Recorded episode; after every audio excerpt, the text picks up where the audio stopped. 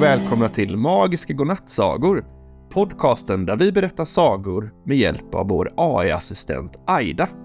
Jag heter Tobias och med mig har jag min bror Niklas. Hej hej! Idag är det en speciell dag. Vet du vad det är för dag idag Tobias? Eh, nej, jag har ingen aning. Är, det någon födelsedag eller något? Nej, men det är nästan lika kul. Det är världsteaterdagen idag. Världsteaterdagen. Va, vad är det för något? Jo, det är en dag som firas runt om i hela världen för att hylla teaterkonsten och alla som jobbar med den. Teater är ju fantastiskt kul. Ja, det har du rätt i faktiskt. Ibland kan man känna sig som att man var med i en saga när man ser en teaterföreställning. Ja, precis. Och vet du vad? Vi har ju faktiskt en egen liten teaterskola här i podcasten. Jaha, hur, hur då menar du? Jo, men vi har ju vår eh, AI-assistent Aida här som hjälper oss att skapa sagor utifrån barnens önskemål. Ja, ah, just det, det stämmer ju. Aida är ju vår magiska sagoberättare. Vi kanske ska säga hej till Aida och fråga hur hon mår idag. Bra idé. Hej Aida! Hej Tobias och Niklas. Jag mår bra idag. Tack för att ni frågar. Och jag hörde att ni pratade om Världsteaterdagen. Det är faktiskt ett mycket passande ämne för dagens fakta. Vet ni vad dagens faktatema är? Nej, det vet vi faktiskt inte. Berätta gärna. Temat för idag är teater. Jag har samlat ihop några intressanta fakta om teater som ni kanske tycker är roligt att höra. Jag skriver ut faktan till er här. Spännande! Då kommer fem fakta om eh, teater. Teater har funnits i över 2500 år.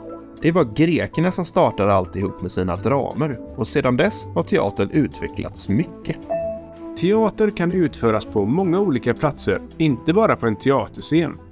Det kan vara på en gata, i en park, på ett torg eller till och med i ett köpcentrum.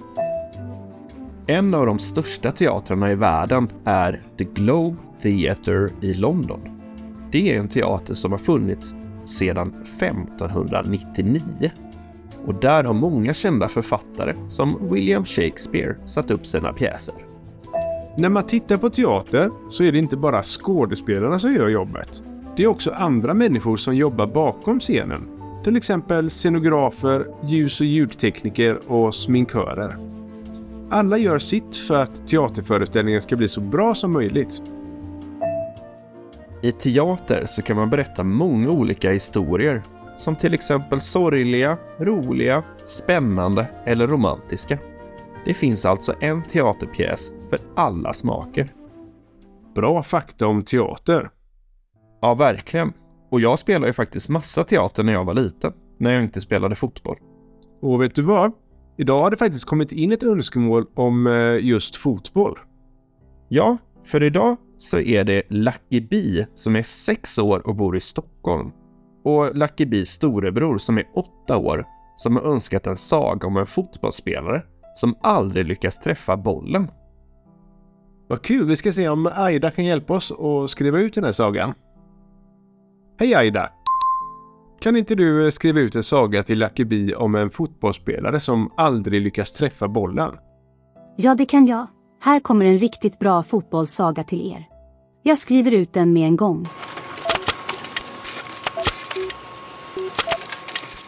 Tack så mycket! Då kommer dagens saga. Bollis räddar dagen. En gång fanns det en pojke som hette Emil. Han älskade fotboll mer än något annat. Och han drömde om att bli en stor stjärna, som Ronaldo, Marta eller Haaland. Han tränade varje dag på skolgården med sina kompisar och följde alla matcher på TV. Men det fanns ett problem. Emil var väldigt dålig på att träffa bollen.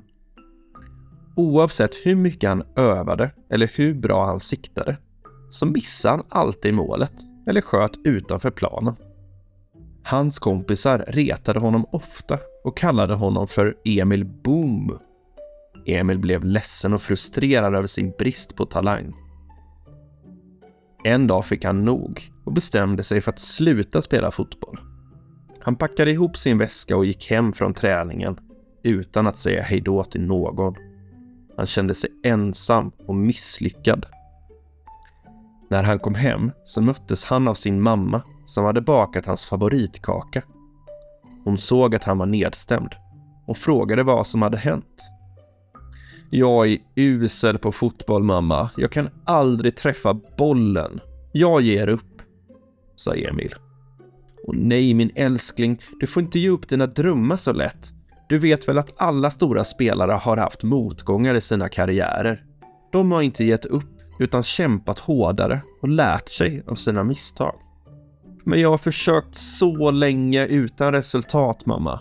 Det spelar ingen roll hur mycket jag tränar eller hur mycket jag vill det. Jag har ingen talang för fotboll. Talang är inte allt, Emil. Det viktigaste är att ha glädje i det du gör och tro på dig själv. Du har andra kvaliteter som gör dig till en bra spelare. Du är snabb, uthållig, smart och en bra lagkamrat. Men vad hjälper det om jag inte kan träffa bollen, sa Emil. Det kommer du kunna göra om du fortsätter att öva med rätt inställning och rätt teknik. Du måste bara hitta din egen stil och ditt eget sätt att spela fotboll. Hur ska jag göra det, sa Emil. Det kan inte jag svara på åt dig, Emil. Du måste upptäcka själv genom att prova olika saker och ha kul medan du gör det. Mamman gav Emil ett leende och en bit kaka. Kom igen nu, ät upp din kaka och gå sedan till sängs tidigt så att du är pigg imorgon för skolan och för fotbollen. Emil nickade tveksamt, men gjorde som mamman sa. Han åt upp sin kaka och borstade tänderna innan han kröp ner i sin säng med sin gosedjurshund som hette Bollis. Han blundade, men han kunde inte sova direkt utan låg vaken ett tag och tänkte på vad mamma hade sagt om fotboll. Han undrade om hon hade rätt om att han kunde bli bättre om han bara hittade sin egen stil och sitt eget sätt att spela fotboll. Han undrade också vad hans egen stil skulle kunna vara. Skulle han vara en dribbler som Ronaldo eller en passare som Marta? Skulle han vara en anfallare eller kanske en försvarare? Skulle han skjuta med högerfoten eller med vänsterfoten? Han bestämde sig för att prova lite olika alternativ nästa dag när han skulle spela med sina kompisar igen. Om de ville ha honom i laget, det vill säga. Han suckade djupt, men kände samtidigt ett litet hopp tända sig i hans bröst. Kanske skulle morgondagen bli annorlunda. Kanske skulle han äntligen lyckas träffa bollen. Han somnade till slut med den tanken i huvudet och drömde om fotboll. Nästa dag vaknade han upp tidigt och kände sig förvånansvärt glad. Han klädde på sig sin fotbollströja och tog med sig sin väska och Bollis, hans gosedjur, till skolan. Han mötte sina kompisar på skolgården och frågade om han fick vara med och spela. Visst får du det, Emil. Vi behöver en extra spelare idag. Men du får inte vara anfallare, för du kan ju inte träffa bollen. Det gör inget. Jag vill prova någonting nytt idag. Jag vill vara målvakt, sa Emil. Målvakt? Men du har ju aldrig varit målvakt förut. Hur ska du kunna rädda bollar om du inte kan träffa dem? Det får vi se. Jag tror att jag har hittat min egen stil och mitt eget sätt att spela fotboll, sa Emil. Emil gick till målet och ställde sig mellan stolparna med gosedjuret Bollis i famnen. Han kände sig nervös men också nyfiken på hur det skulle gå. Matchen började och Emils lag hade bollen. De försökte anfalla motståndarnas mål men misslyckades gång på gång att komma förbi deras försvarare eller att skjuta på mål. Emil stod stilla i sitt mål och höll hårt om Bollis. Han såg hur hans lagkamrater kämpade utan framgång. Han började bli uttråkad och önskade att han kunde hjälpa dem på något sätt. Då fick han en idé. Vad händer om man kastar bollis mot bollen när motståndarna hade bollen? Han visste att det var ett litet konstigt sätt att spela fotboll, men han tänkte att det kanske skulle kunna fungera. Eller åtminstone överraska dem lite.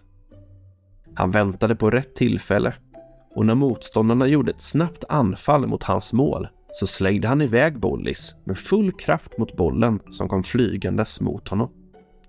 Till hans stora förvåning så träffade Bollis bollen precis i luften och ändrade dess riktning. Så den flög över ribban istället för in i nätet. Emil hade räddat ett säkert mål med sin gosedjurshund. Hans lagkamrater blev chockade, men också glada över hans oväntade insats. De jublade och klappade honom på ryggen. Motståndarna blev förvirrade, men också imponerade över hans udda teknik. De applåderade och gratulerade honom till hans fina räddning. Emil blev överlycklig över sin framgång. Han hade äntligen lyckats träffa bollen, fast inte med sin fot, utan med Bollis. Han sprang efter Bollis som hade landat några meter bort från planen. Han tog upp honom i sina armar och kramade honom hårt. Du är bäst Bollis. Du är min bästa vän. Du är min egen stil. Du är mitt eget sätt att spela fotboll på. Han log stort och tittade upp mot himlen där solen sken klart. Han visste nu att mamma hade haft rätt. Han behövde inte ge upp sina drömmar så lätt. Han behövde bara hitta sin egen stil och sitt eget sätt att spela fotboll på. Och det hade han gjort. Tack vare Bollis.